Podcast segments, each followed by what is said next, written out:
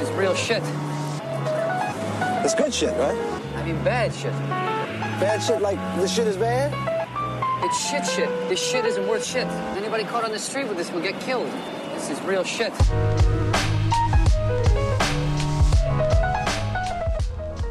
Velkommen til podkast. I dag har vi med oss Stig Beite Løken, lokal forfatter. Meg og Stig går way back, som det heter. Jeg ble kjent med Stig når han var fem-seks år gammel. Jeg var vet ikke jeg, 16-17. Eh, jeg lærte han å sykle på Eiganes skole. Det minner han meg på i dag. Vi har hatt ganske, eller utrolig mye løye sammen før i tida.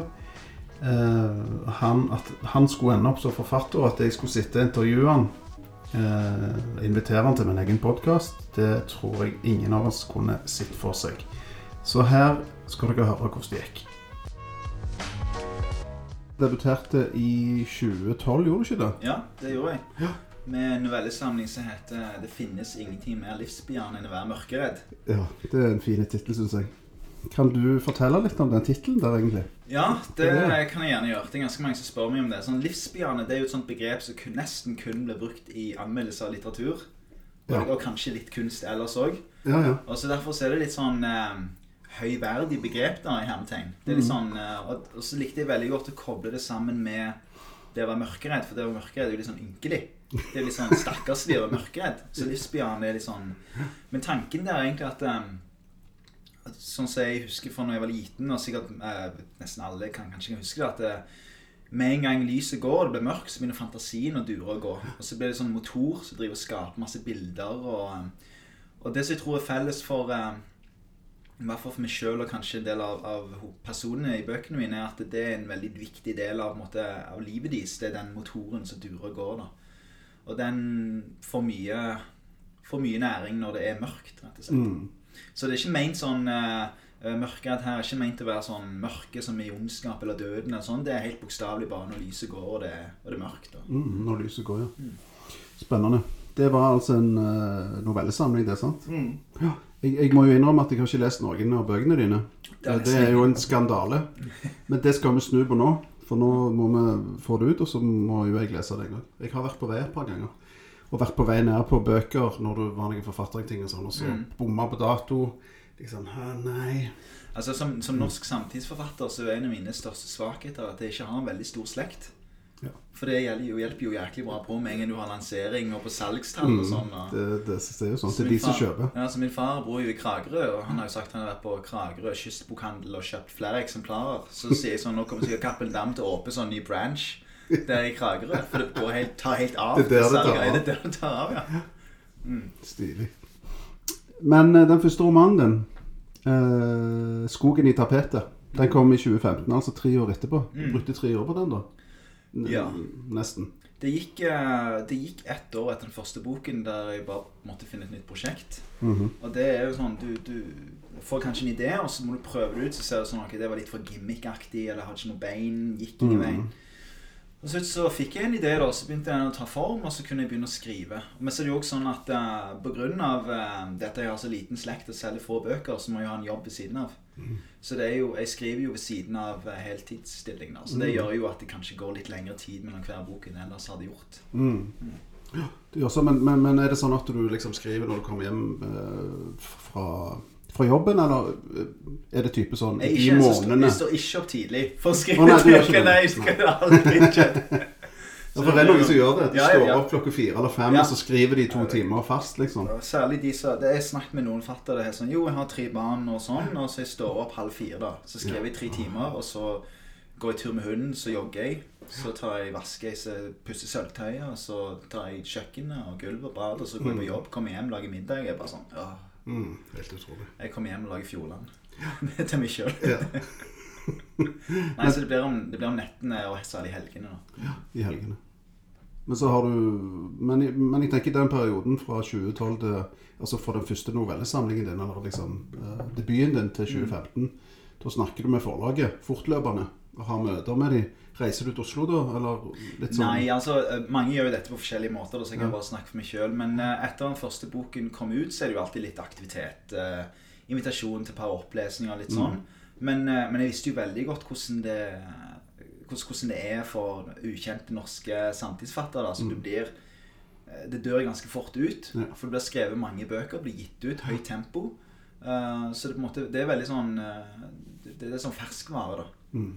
Så da var det jo litt invitasjoner og litt sånn. Og så og var jeg jo så heldig da at den første boken min kom pocket året etter. Det var Mm. ganske synes jeg var veldig ok av forlaget å gjøre. Mm. Men bortsett fra det, så jeg har ikke noe særlig mye kontakt med, med forlaget fram til jeg liksom har et nytt prosjekt. Og da okay. er det ikke sånn at jeg skriver noen ideer. Da er det sånn at eh, jeg sender gjerne 60 sider, da.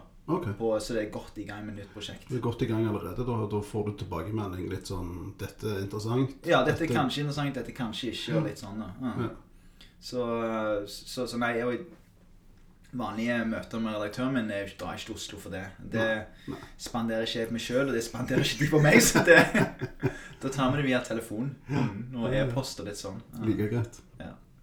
Men når var det du begynte å skrive?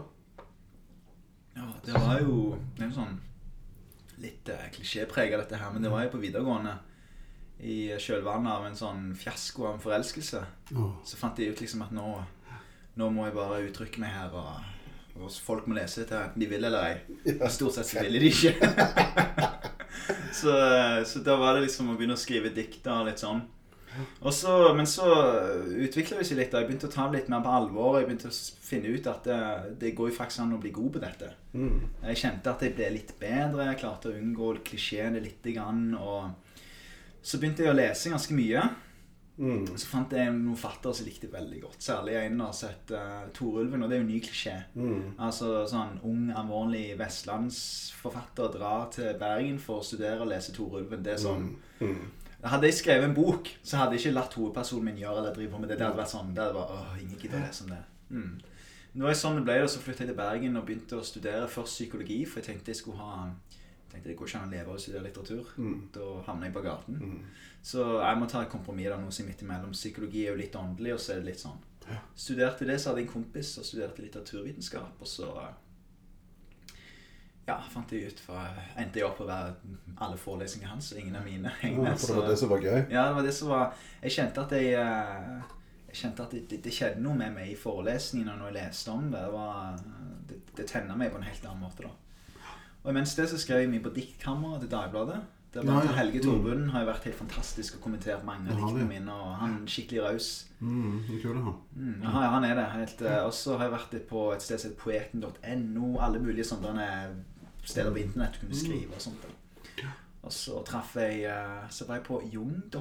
Det er jo Brynjulf Jung Skjønn. Han har fått Brageprisen. I hvert fall blitt en prisbelønnet forfatter nå. Han hadde et Mm. eget sånn eh, eh, tidsskrift online. da Så sendte jeg noen dikt til han, og så tok han og la noen dikt ut. Og så traff jeg en annen sitt Christian Heggernes. Han har nå gitt ut ganske mange bøker, og vi ble kjent. Mm. Så da jeg flyttet til Bergen, så lagde vi en skrivegruppe. Mm. Så vi møttes liksom en gang i uken cirka på eh, Vågen Fedevare og Ja, ja. spiste ei skjeve og eh, kritiserte hverandres tekster. da. Og det var der jeg bare sier det, det, Hvis noen tenker på det å bli forfatter, Mm. Så må du på en måte ta det arbeidet der ett steg utover bare det med Og du skriver så nydelig kos og klems. Mm. Det, du kommer ingen vei med det. Du må liksom tørre å, eh, å ta avstand for det du sjøl har skrevet, og kikke på det og tenke litt sånn håndverkeraktig. da. Altså hva er bra, hva er ikke bra. Og når jeg hører noen si sånn Ja, men jeg legger sjelen i det, så er det sånn sånn, Drit i sjelen din. Folk driter jo i sjelen din. Det en spørsmålet, hvis dette er dårlig, så er det ingen som bryr seg om sjelen din. Så, så, um, så, så de, de, de, du må være litt tøff med deg sjøl, og så må du tørre å, å møte folk som gjerne kan si at det du har skrevet, er drit. Ja. Og begrunne det da selvfølgelig. Og Ja, ja. de drit. Du må være knallhard, rett og slett. Ja, du må være og knallhard. Mm. Det er jo ganske tøft, da. Ja, det er ganske tøft. Særlig i begynnelsen, antageligvis òg, når du liksom har veldig mye på hjertet, og du føler dette er bra, mm. og dette mm, sant, Jeg vrenger sjela mi og sånn. Ja, Og så liksom Niks. Dette holder ikke. Og særlig hvis det er mange som begynner Å ja, det er gjerne en del som begynner å skrive på bakgrunn av en sånn hendelse. Altså Mm. for eksempel, Det kan være enten en forelskelse, eller det kan være noe traumatisk. Eller det kan være noe sånn. Og hvis du, eh, hvis du ikke klarer å distansere deg nok fra det når du skriver altså du, kan, du kan lære deg å bruke stoffet som er nyttig. og tenke på det. Mm. Jeg har opplevd sånn og sånn og sånn. Er dette nyttig for prosjektet mitt? Hvis ikke, så må du bare legge det til side. Hvis du ikke klarer å ta avstand fra det, så tror jeg at, det, at bøkene eller litteraturen blir dårligere. da. Ja, det tror jeg òg. Mm. Ja, for det er forskjell på å være personlige og være, eh, være eh, Privat. privat, ikke sant? Altså, det, det er liksom to forskjellige ting. Mm. Men hva kan du fortelle meg om eh, det nye prosjektet ditt? Jeg, Ja. Så kan vi gå tilbake oss litt etter hvert. Mm. Ja. For jeg leste jo på Facebook her at du, du la jo ut en liten En liten beskrivelse iallfall, Mm. nå nylig, ja. om den nye romanen din som kommer forhåpentligvis i mai. Ja, forhåpentligvis. Ja, det det, det, det, det er ikke lenge til. Nei, det er ikke lenge. Jeg har, eh, I sekken min her så har jeg, eh, jeg tok avspasering fra jobb i dag. Ok. For å kunne sitte på kontoret, og, um, og redaktøren min sa at han vil ha dialogstreker. Ja, ok. Og sånn, å herregud. Oh my god. Der var det jo inne og sette inn strek. Dialog, strek, dialog. Strek, strek. da. Wow. Ikke strek, strek. Så det er kjedelig. Nei, boken heter 'Drømmelinsene'. Mm Mhm, Og det er altså en henvisning til um, Det er lagt i Stavanger i framtiden. mhm. Hovedpersonen er en eiendomsmegler, og det kommer fram i løpet av boken at han er en av ikke så altfor mange eiendomsmeglere igjen her i Stavanger. Og han eh, har fått beskjed av sjefen sin da, at eh, de skal ha en visning, en ganske spesiell visning av et nytt hus som blir lagt ut. da. Eigernesveien 79. Mhm. Eh, og det blir lagt ut for salg. Dette er lagt til 2042. da. Eh, og eh, som en sånn gimmick for å få ekstra oppmerksomhet, så skal de da ha en såkalt drømmevisning av dette huset. og det betyr rett og slett at eh, de har fått uh, Melberg og co. til å lage en sånn gjengivelse av dette huset og området rundt i noe som kalles for Dreamverse. Ja, ja. Og det er altså sånn eh, Og disse drømmelinsene funker sånn. Du tar det på deg akkurat som vanlige linser. Mhm. Fjernkobler du opp til en PC. eh, og så kobler du inn på noe som ligner veldig på iTunes. Men istedenfor sanger, så laster du ned drømmer. Så kan du laste dine egne, og så kjøper du drømmer. Sant? Kjøp en Star Wars-drøm og sånn for mm, så så mye. Og når du legger deg og sover, så drømmer du, er du denne drømmen, da. Og du er bevisst. Du vet at du er i en drøm. Du vet hva som skjer. Tiden går på en annen måte enn det gjør en vanlig drøm. Mm. Du kan invitere andre inn i din drøm. Det er ikke sånn som Facebook. da Du kan Mm, invitere andre sånn, inn i din drøm. Du kan bli invitert inn i deres drøm, osv. Så, videre. så da var det, Og det kan jo bli brukt sånn til underholdning, selvfølgelig, men også kommersielt. Mhm. Så jeg skrev jo i boken da at uh, i Kina så har de fått uh, saksbehandlere i offentlig sektor til å jobbe om natten òg. Det vil si de bare drømmer, mens de drømmer, så Ja, ja. jobber de. For de har lagt det kontoret. De bare gjenskaper kontorene mens de sover, og så jobber altså. For å være ekstra effektive, da. Mm. Men uh, så ja, så skal han bli det, selge dette huset, og det er en sånn visning. Og det praktiske er at folk kan jo være hvor som helst. Så kan de sovne, og så kan de komme til dette huset og se hvordan de er inni og litt sånn.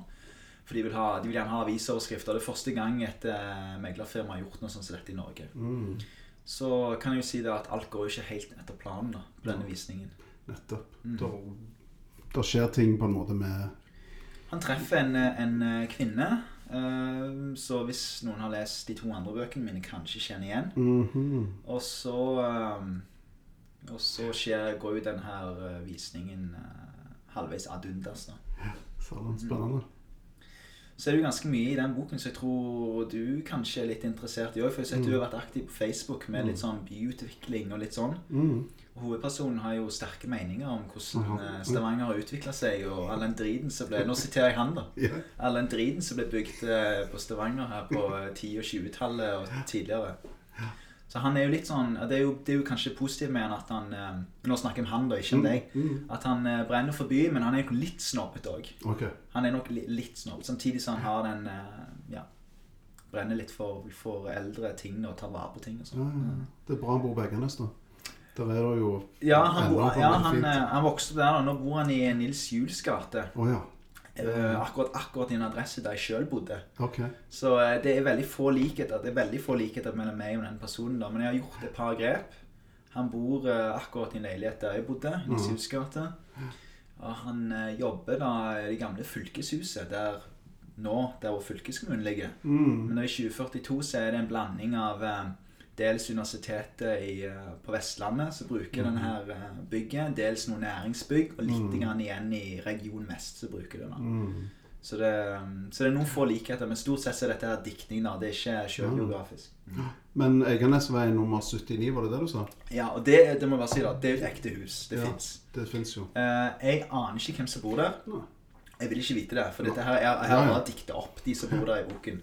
Eh, og det grunnen til at det ble det huset der, at jeg hadde jo, jeg fant ut ok, det skulle være en visning, drømmevisning. Du må ha et litt fint hus. Så da satt jeg jo i flere uker og var på finn.no. ikke sant? Og bare trykte prisklasse 12 mill. opp, og så bare du sulte og sånn, sånn. Så var det jo stort sett bare Måtte jeg trykke enebolig, for ellers så kom det jo bare opp sånn Ny leilighet, eh, 89 kvadrat på et eller annet sted. 12 millioner. Bare sånn, hæ?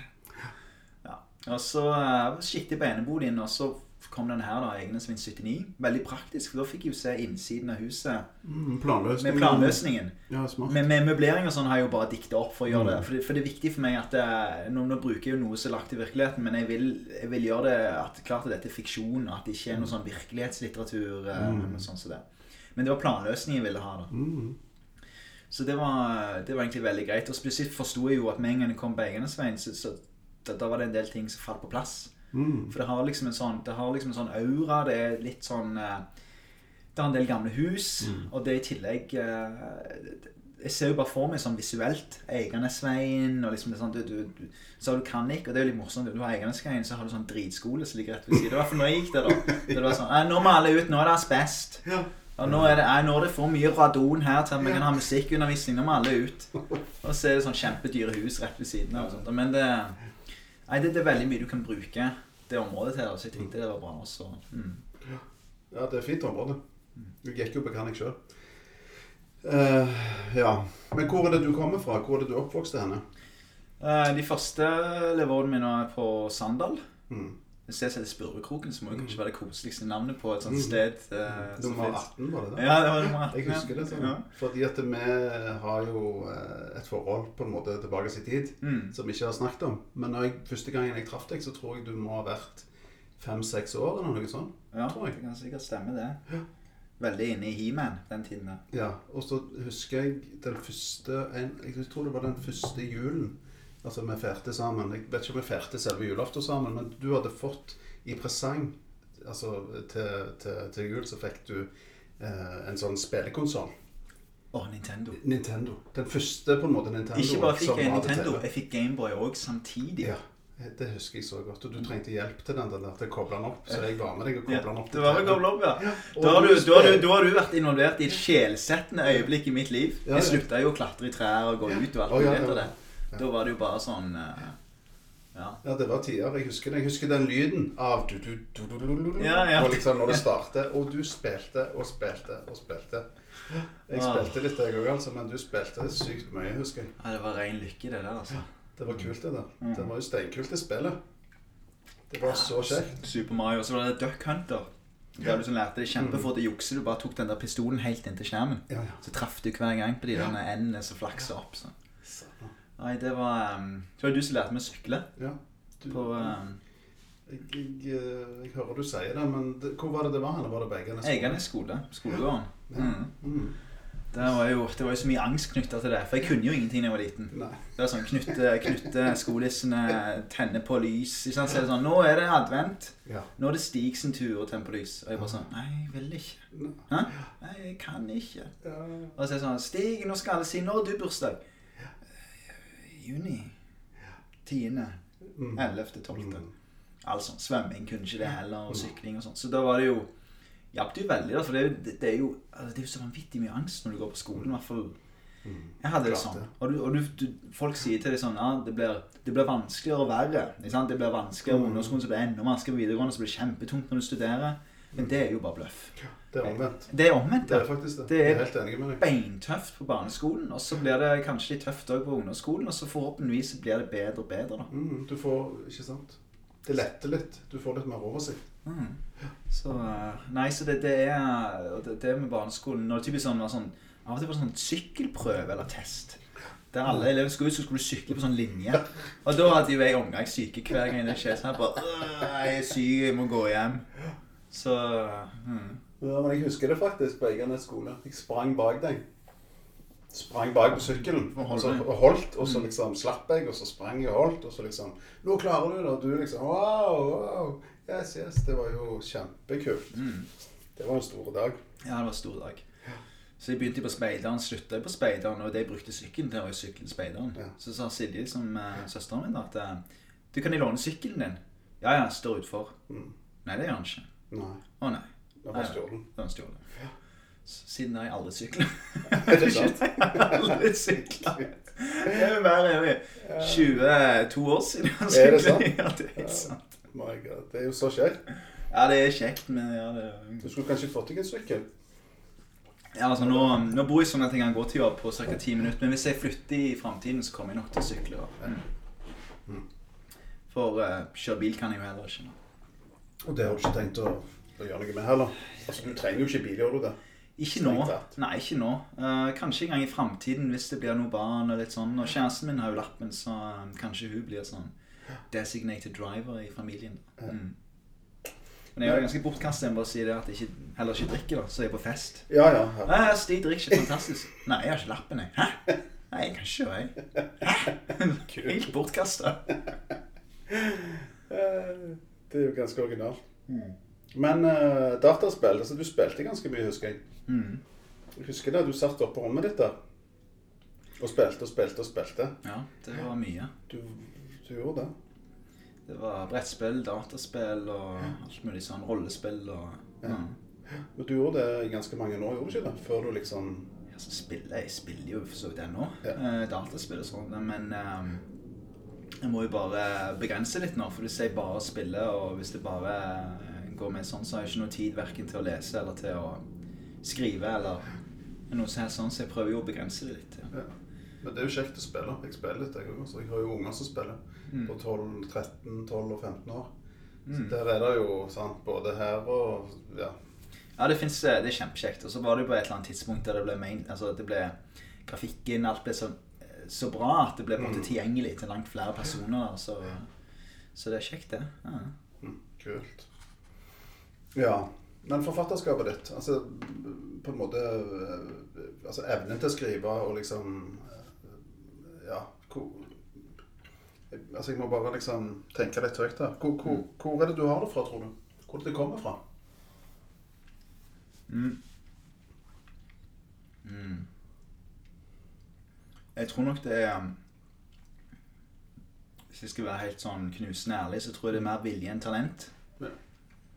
Det er bare, det er bare snakk om å, å, å trene og skrive og skrive og skrive på den håndverksbiten. Det andre, da, det kreative, der um, tror jeg egentlig at um, fantasien min kanskje er, er vel det jeg har som jeg er mest stolt av. Mm.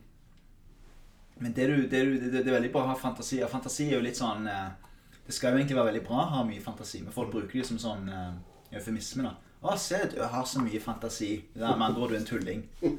Så det, det å begynne å lære å skrive, det å bruke det til noe kreativt Da må du på en måte Du må, du må kunne et, eh, noe, et håndverk da Mm. for å kunne gi det noe form. Så, så, så det var bare det som falt mest naturlig. Jeg vet jo ikke, men Moren min leser jo vanvittig mye, da. Ja, ja. Hun tar jo plukker en bok, og så plutselig dagen etterpå så er hun ferdig. Ja, hun har alltid lest mye, hun. Det Hun husker har jeg. lest veldig mye. Så um, ja, det var jo en del eh, det, det har nok mye å si at uh, det var en del bøker hjemme. Mm. Altså sånn Rent statistisk så har jo det òg mye å si. da Det også. At det, det er tilgjengelig, og at du har på en måte foreldre som oppmuntrer det. Mm. Hvis, hvis jeg hadde hatt foreldre som sa sånn Det er bare tull. Så det er ikke sikkert at jeg aldri har blitt forfatter, men det hadde kanskje forsinka det. Eller det hadde kanskje gjort Blitt en annen type. En annen type. Altså, jeg vet ikke. Men, eh, men det er veldig viktig det å, å, å bli oppmuntra. Så det er òg en annen ting er at når du begynner å skrive, når du hører forlagene snakke om hvor mange manus de får tilsendt, og hvor mye de gir ut, så det, forstår du med en gang at du, du må ha veldig mye tro på deg sjøl for å kunne fortsette å gidde å gjøre det. Jeg har jo sagt at eh, jeg, når jeg ga ut min første bok, så tror jeg honoraret dekte alt det jeg har betalt i porto gjennom årene med sånne eh, manus som ble sendt ut og, og avvist. ikke sant? Og med sånn eh, avvisningsbrev. 'Tusen takk for at du sendte oss ditt manuskript. Vi har dessverre ikke mulighet til å gi det ut. Vi ønsker deg lykke til videre. Med, med vennlig hilsen alle forlag i landet. Mm, Så, sånn, var, ja, så sånn var det veldig mye av. da Så det, det er um, men, men, jeg, men jeg tenkte hele tiden dette, dette er jeg ganske sikker på at jeg kan. altså Jeg føler jeg kan dette. Men så ser du sånn på TV, sånn, for sånn Idol og alt mulig. Noen kommer og brenner for dette. Og, jeg kan det, jeg kan synge, jeg kan alt mulig. Så begynner du å synge, og så er det jo helt forferdelig. Så sitter jeg og tenkte, er, det, er dette en slags livsløgn? Kan jeg dette? Kan jeg det ikke? Hva er og, og da må du, og da, det som er veldig fine da, at du, du kan rett og slett um, sjekke litt underveis da. Det første gangen jeg fikk uh, gitt ut noe, det var jo sånn debutantantologi, så noen forlag, um, Cappelen Dam har jo fremdeles uh, signaler Mm, Så hvis det er noen som hører på dette her nå og liksom driver og skriver, så må de bare sende til sånn, for da er det jo lavere terskel for Mm, det forlagene. Og, og hvis, de, hvis de aksepterer noe sånn som det, så tyder det på at da har du nok et talent. Da er det noe. Da er det noe, ja. Så da kan du fortsette å grave og se liksom om du, om du, om du finner noe eh, mer, da, rett og slett. Mm. Mm, så du ble fanga opp der, egentlig? da? Ja, jeg ble fanget opp der i Og da har jeg Når var var dette, tror du? 2008, tror jeg det var. Okay. 2008-2009. Da var det ikke Kappen dam, da var det bare dam. Det var bare Dam, ja. Det var bare dam. Da, da hadde de, de, de hadde jo, eh, det var de som ga ut, eh, hvis ikke det er helt feil, eh, Harry Potter. Oh, ja. Så fikk de sånn 10 000 milliarder plutselig. Ah. Så brukte de det til å kjøpe opp Cappelen. Ja, Mm. smart. Så det var Men da var det Pilot, var det den eh, antologien het. Okay. Så det var veldig bra. Så er det jo òg Hvis du skriver, gå på nettet, finn sånne andre skrivegrupper, steder og alt mulig. Jeg får jo av og til spørsmål eh, Siden jeg jobber i fylkesbiblioteket. da Mm. I fylkeskommunen så har jeg, jeg jobber en del med bibliotekarer og i bibliotekvesenet og litt sånn. Og, og en del folk der vet at jeg er forfatter, så av og til så hender det at uh, bibliotekarer sier liksom 'Å, du leter etter noen å, å skrive med. Du kan sende en e-post til Stig', da. Og det er veldig hyggelig. Mm. Så da får jeg av og til en e-post liksom, sånn 'Hei, jeg driver og skriver her, jeg bor i Stavanger. Vet du om det er noe sånn miljø eller gruppe Mm. eller sånn?' Så er jo det at jeg eh, Og det er jo litt spesielt det med litteraturmiljøet her i Stavanger. For når, når det gjelder arenaer, Mm. så er det ganske veldig, veldig bra sånn for størrelsen. Eh, Både kapittel, KK eh, Mm. Du hadde Sting. Kanskje Mm. du kommer tilbake igjen. Jeg håper du kommer tilbake igjen. Ja. Mm. Så du, du har egentlig ganske mye bra her. Altså, Men uh, forfattermiljø, tror jeg uh, Du har jo uh, Rogaland Forfatterlag. Ja. Men det er nok mer for de som måte, allerede har blitt forfattere. Mm, de som er etablerte De som er ja, mer eller mindre etablerte. Men hvis du er helt ny og skal begynne å skrive, Ja. så er det vrient å finne en gruppe å komme inn i. For jeg driver fremdeles og sender mange av altså manusene mine til han Christian Heggernes. Og det er veldig krevende det å skal få noe for noen andre å lese igjen. Det tar lang tid. Og hvis du skal gi en grundig tilbakemelding, hvis ikke bare kos og klem, så er det vanskelig. Så det beste egentlig rådet jeg kan gi til noen som skriver, er å finne noen andre som skriver. Mm. Og hvis du kjenner at du at det er en eller annen slags kjemi der, at, det, at du, du, du måtte respektere det han eller hun andre skriver, og det er gjensidig, Mm. så må du bare gjøre det, da. Ja, så For jeg sparer som ofte spart, jeg har ikke liksom kapasitet til en sånn full jobb, og så skal jeg skrive siden av. Ja, så ja, så så har ikke sjans til det. Så um, Men det skulle kanskje vært et bedre sånn støtteapparat rundt det der, faktisk.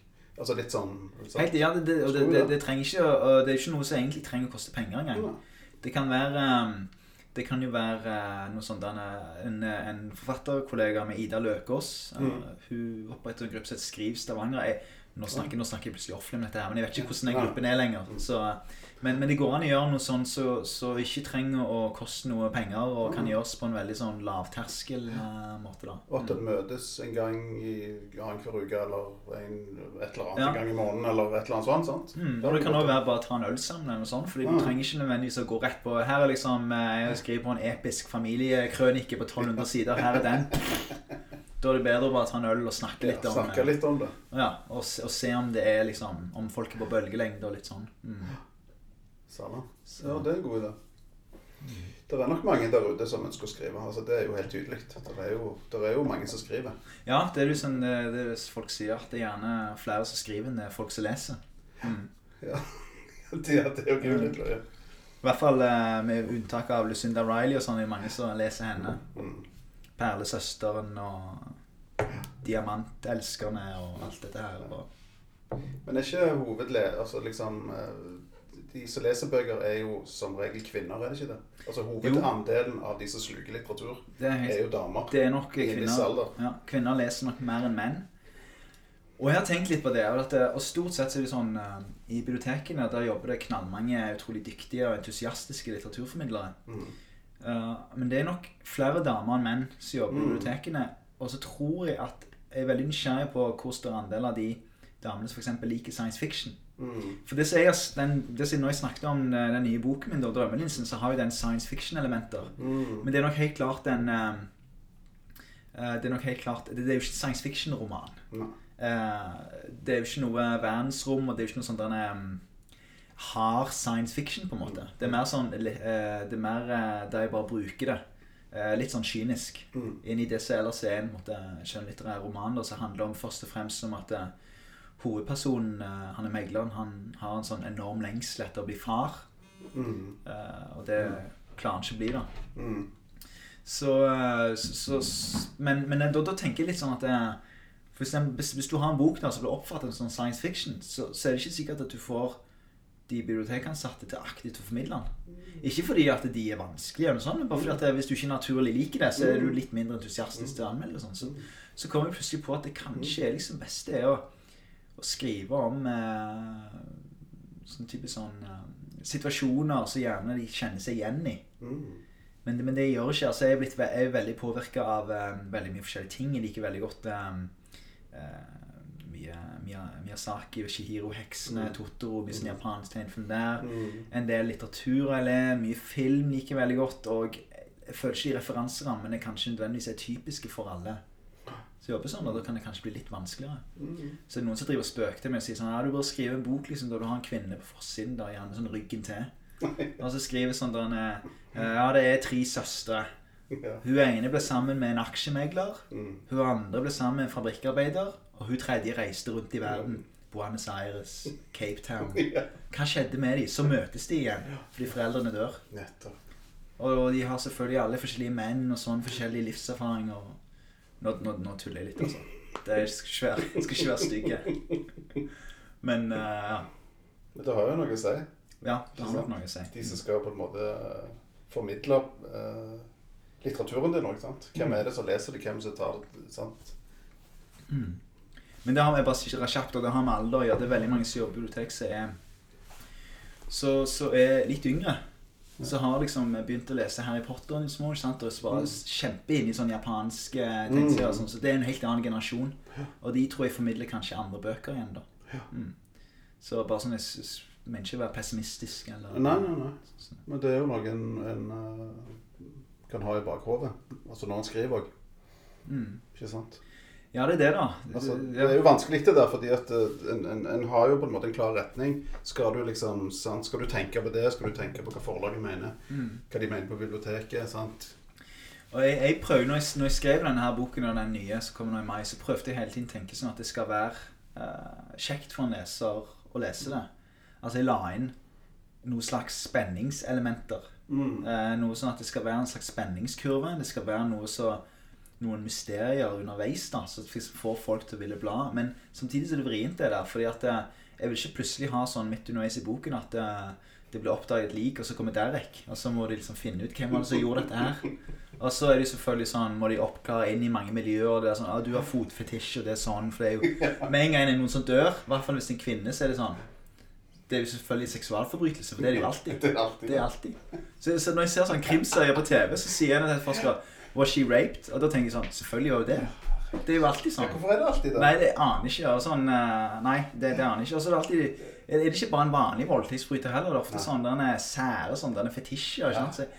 Så litt sånn spek litt spekulativt. Meget. Yes. Ja, der er det rett potensial Rett og slett. for å liksom ja, ta livet av noen av en annen grunn. Ja, ja. Kan du var så stygg jeg bare fyrte til noen du dør? ja. Nei, jeg er voldtektsmann. Det er jeg ikke. Jeg er ikke sånn drittsekk, jeg. Jeg bare drepte henne. På redelig vis. Tåler ikke trynet på er dritløye. Det hadde jo vært mye kulere å lese om. Ja, det hadde vært Politiet ble sikkert Hæ? Er du sikker på at det ikke var voldtekt? Sjekk igjen. Sånn. Ja, hvor er den? Nei, uff da. Det er jo grusomme ting. Uff, ja. Det er så mye av det òg. Ja, det er veldig mye. Virkeligheten òg, antakeligvis, men det er veldig mye på TV òg. Altså, jeg følger sant, Netflix og HBO alle seriene og sånn. Det er jo så mye sånn krimserier sånn som det. Ja, og, men det, det er òg du, du kan bruke noe som er Det med eh, mysterier og krim og den her, det, det drivet som de gir til en bok eller en TV-serie, den er jo helt ekstrem. Mm, så. Husker du når jeg så eh, Twin Peaks første gang? For der har du sånn erketypiske ung 18 Jeg husker ikke om Laura Palmer var 17 eller 18 og døde. Sånn blond 17-18. Prom queen. Ja, ja. Ble jo voldtatt, selvfølgelig. Og så er jo dette jakten etter denne morderen. da. Og det er jo, det, det er jo sånn, og så ser du at det, eh, du kan bruke litt sånn Du ser at de, jeg tror nok at David Inch og, og, um, og Mark Frost når de lagde den serien, tenkte litt sånn Ok, nå bruker vi det som en driv. Men så etter hvert så pakka de jo inn alle mulige rare ting ikke sant, i dette her uh, mordgreiene. Og de ville jo aldri heller at det skulle oppklares drapet. Mm. De ble tvunget av, eh, av, det, ja. for, for de ville at det alltid skulle være et mysterium som skulle ligge under og drive framover. Mens folk liksom var sånn Hvem drepte det? Kom an, nå. Bare si det. Så Nei, så det, det, det, det, det er ikke sånn at jeg mener at med en gang du har drap og du skal etterforske, så blir det dårlig. eller noe sånt. Det er jo um, Raskolnikov òg er jo sånn Dostojevskij. Sånn, går inn og Mm. bruker veldig sånn um, Ja. Det som grep. Absolutt. Mm, bruker det som virkemiddel. Ja. Uh, ja. Twin Peaks, den siste, altså den nye. Har du sett den? Å, ja, ja, ja. Jeg satt jo der. Uh, når eh, de første fire episodene ble sluppet, Ja. så var jeg jo helt oppe der. Jeg husker ikke klokken var tre eller halv tre om natten. Satt der og trykka refresh. TV-en sant? Fresh, refresh. Så det er helt mørkt i rommet. Og når den, når den musikken Ja. kom igjen, og det er bare sånn, jeg bare sånn Å, herregud. Og så må jeg si det at de, jeg syns vet ikke om vi kan snakke om dette her, men jeg syns David Lynch og Mark Frost gjorde noe ganske beintøft. For sånne, Når noe kommer tilbake igjen, så det er alltid sånn preg av nostalgi. mm, Her var de ganske beinharde mm, med seerne. mm. Alle vil jo se Special Agent Dale Cooper. Han er jo den kuleste. Og så plutselig er han bitte litt med, og så blir han om til Dougie. Mm. Så går rundt liksom sånn, sånn mehe og bare gjentar det folk sier, og med denne store grønne jakken og ser ut som en idiot. Nei, jeg, jeg ble, jeg ble det Jeg synes det var helt fantastisk. Jeg satt uh, gleder meg ekstremt til hver ny episode. Ja. Ja. ja, det var steinkult. Det er dødskult å se. Han er jo steinkul, han der David Lunch der òg. Mm. Ja, han, han, han er det, og jeg synes at han altså, som sagt han har jo en del spillopper, ikke alt funker, men han, han, han tør å gjøre ting. Og eh, det gjør at det nesten aldri blir kjedelig å se. Det var en scene som ble veldig mye latterliggjort i Twin Peaks, når du ser fire-fem minutter med en stor fyr som driver og børster liksom sånn gulvet der, Mm. på den baren. Mm. Eh, og, og det som er sånn med den serien du, jeg, jeg ante ikke hva som skulle skje i neste episode.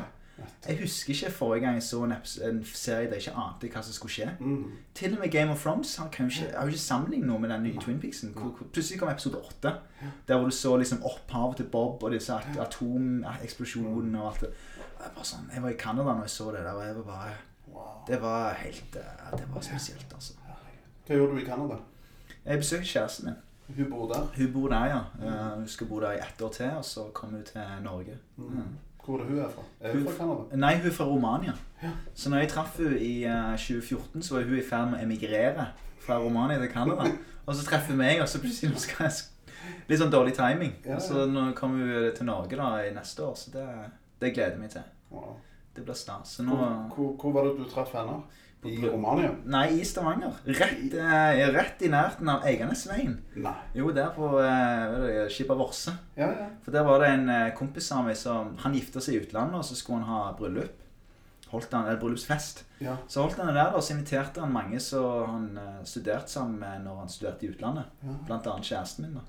Så du traff henne i bryllupet? Jeg traff henne i bryllupet. Ja, det er koselig. Så gikk vi liksom rundt der på Eiganesveien etter bryllupet da, og sånn, og så på. Så det Nei, så det var Ja, det var veldig romantisk. Det var jo dritvær, men eh, det var romantisk likevel. så sånn det skikkelig var- sånn stavangersk. Ja, det Det er er sånn. jo det i Stavanger. Mm. Jeg husker det, jeg husker det alltid fra jeg var liten òg. Skoleveien og når, Ja. Liksom hele oppveksten min så var det mye drittvær, husker jeg. Mm, Det å være ute, du ble hevet ut på gata og måtte være ute. Kom deg ut, ut og gå. Mm. Og sånn, regn, regn, regn. Og vind. Men uh, Regn, fukt og fotsopp. Den har du Stavanger liksom i sånn nøtteskall. Og olje. Ja, olje, selvsagt.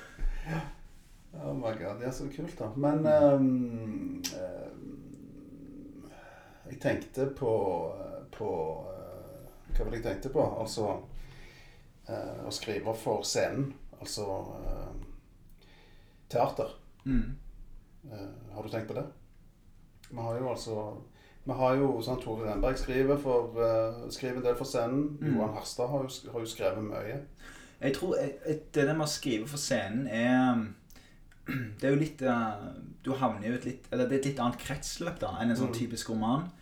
Og jeg vet ærlig talt ikke helt hvordan det funker med hvor mye som er bestillingsverk, hvor mye du tar kontakt med teateret i forkant og Mm. avtaler og skriver. Jeg, har nok, jeg, jeg tror nok det at jeg tenker veldig visuelt når jeg skriver. Eh, når jeg skriver, så, har jeg Utgangspunktet mitt er gjerne en, eh, en, hoved, en, en person. da når jeg, når jeg begynte å skrive dikt, så brukte jeg mye bilder. Mm. Sånn, sånn metaforer og sånn at det, og Jeg kan gjerne si det at når du skriver som fatter, så har du gjerne to hovedmodus modus å, å tenke på. Det er liksom uh, som om, Mhm. eller uh, tenk hvis. Mm. Og eh, det, er sånn, det er sånn litt uh, forenkla, da. Men eh, som om det er liksom det at Å, treet driver liksom og så beveger seg i vinden som om det var sånn. sant? Du, du forvandler Mm. noe der med den fantasien. Men hvis jeg tenker hvis, er det klassiske. Det er jo denne Tenk hvis det plutselig kommer en bevæpna mann inn her nå. Hva gjør vi nå? Hva skjer? Mm. Eh, og, og begge de to måtene å, å, å tenke på tror jeg at jeg uh, har hele tiden. Og hvis jeg kjeder meg, så er det stort sett det der 'tenk hvis' som er inni hodet mitt hele tiden. Sitter liksom i et jobbmøte, og alt går riktig for seg. Men så plutselig tenker jeg Tenk hvis sjefen plutselig sa noe helt sykt. Hva skjer da? Hva sier vi andre da? Så det, det er jo sånn Og så har du det med, det med personer. Uh, sånn som jeg lærte å skrive eh, det, det, det å gå fra dikt, altså jeg begynte å skrive det til prosa, det var ikke noe sånn mål i å, for seg sjøl at jeg, jeg absolutt skulle skrive roman, eller men, eh, men det begynte med at hvis, jeg fant ut at hvis jeg har en person For jeg har et bilde her. I en, av no, en eh, første novellen i, eh, i første boken min så er det to ungdommer som bryter seg inn i et svømmebasseng på en ungdomsskole på natten. I vinterstid, da. Og svømmer der alene. Litt inspirert av etter jeg var ferdig studert og flyttet tilbake til Stavanger, så var jeg tilsynsvakt på Kannik ungdomsskole. Vi snakket jo litt om Kannik tidligere. Ja, ja. Så det var liksom jobben min at jeg skulle komme på møte opp eh, klokken seks, og så skulle jeg gå rundt. Hadde jeg sånn vaktmesterkort som jeg satt inni. Så skulle jeg gå rundt omkring og sjekke. Ja, den er åpna, for nå skal det være spanskkurs eller italiensk matlagingskurs og sånn. Så Klokken 11 eller 12 så gikk jeg rundt og sjekket. Nå er det låst. Nå er det låst. Og dette var vinterstid jeg jobbet der. Så det, ble, det var jo mørkt allerede når jeg kom, Mm. og det var ingen folk. Så jeg satt stort sett alene og gikk rundt i disse gangene. Og da, det siste jeg gjorde, var liksom å gå innom bassenget. Og så sjekke det. Og det var liksom sånn magisk stemning når det var helt mørkt, og lyset var skrudd av inne i svømmebassenget, så var det helt stille. For du er jo vant med sånn type Ofte er jo mindre du er rik, da. Så er du vant med at det er masse andre folk i bassenget. I hvert fall på sånn skole. Sant? Sånn, Mm, så mye lyd. Rop! Masse sånn lek og greier. Men så var det helt stille, og så var det kun lyset, liksom det grønne lyset fra det Exit-skiltet. liksom. Så det var ganske magisk. Og da kom jeg på et sånt Så jeg snakket om et sånt bilde. For da kikket jeg liksom ned på et svømmebasseng hvor kan jeg tenkte jeg, Hva hvis dette svømmebassenget bare er bunnløst? Jeg kan bare, du, du, Tenk hvis det var uendelig nede her. Mm. Og så er det disse to guttene som kommer der, og så finner de ut at når lyset er av, så skal de dykke ned, men så klarer de ikke å dykke ned. Så blir det liksom vannet kaldere og kaldere jo mer de dykker ned. Og så blir det saltvann. Oi. Og så kjenner de at herregud, dette, og så går de opp igjen. Så skrur de på lysene, så ser de jo at det, er, sant, det er jo ikke noe dypt. Mm. Så etter hvert eksperimenterer de, og så henter de sånn fiskegreier og skrur av lyset, så tar de fiskestang, så tar de opp sånn sjøstjerner fra bassenget og alt mulig. Og det er jo et sånt bilde. Så fant de ut at eh, ok, da kan de utforske det bildet sammen. Mm. Hva skjer med, de når de utforsker bildet, og hva betyr det bildet for de, og hva er dette her da? Mm. Og da var det tenkt tenkte sånn om personer. Da var det ikke så vanskelig dette med å legge inn personer, for da må du bare vite på hvilken måte de personene er sårbare. Hva, er- hva er det de lengter etter? Hva er det, som- er rører seg inni de? Og da følte jeg at Og hvis du får et klaff da mellom det, disse bildene de utforsker, og det som rører seg inni, så kan det, kan det skje noe magisk, da. Men det er det jo ikke alltid. Det er jo vanskelig å få til. selvfølgelig en forfatter er. Det beste eksempelet på det syns jeg i, eh, i norsk litteratur, en bok som jeg er kjempeglad i, er 'Isslottet' av Vesaas. Mm. Det er en helt der Siss og Unn. Så liksom Dette, isslottet er helt utrolig fint. Wow. Så det var en bok som jeg anbefalte til kjæresten min, 'The Ice Palace', som heter på engelsk. Ja. Som er en fantastisk fin, uh, fin bok. da Så det er jo òg et sånt litt, litterært forbilde. Mm. Og måte litt gammeldags litter, Eller gammel litteratur.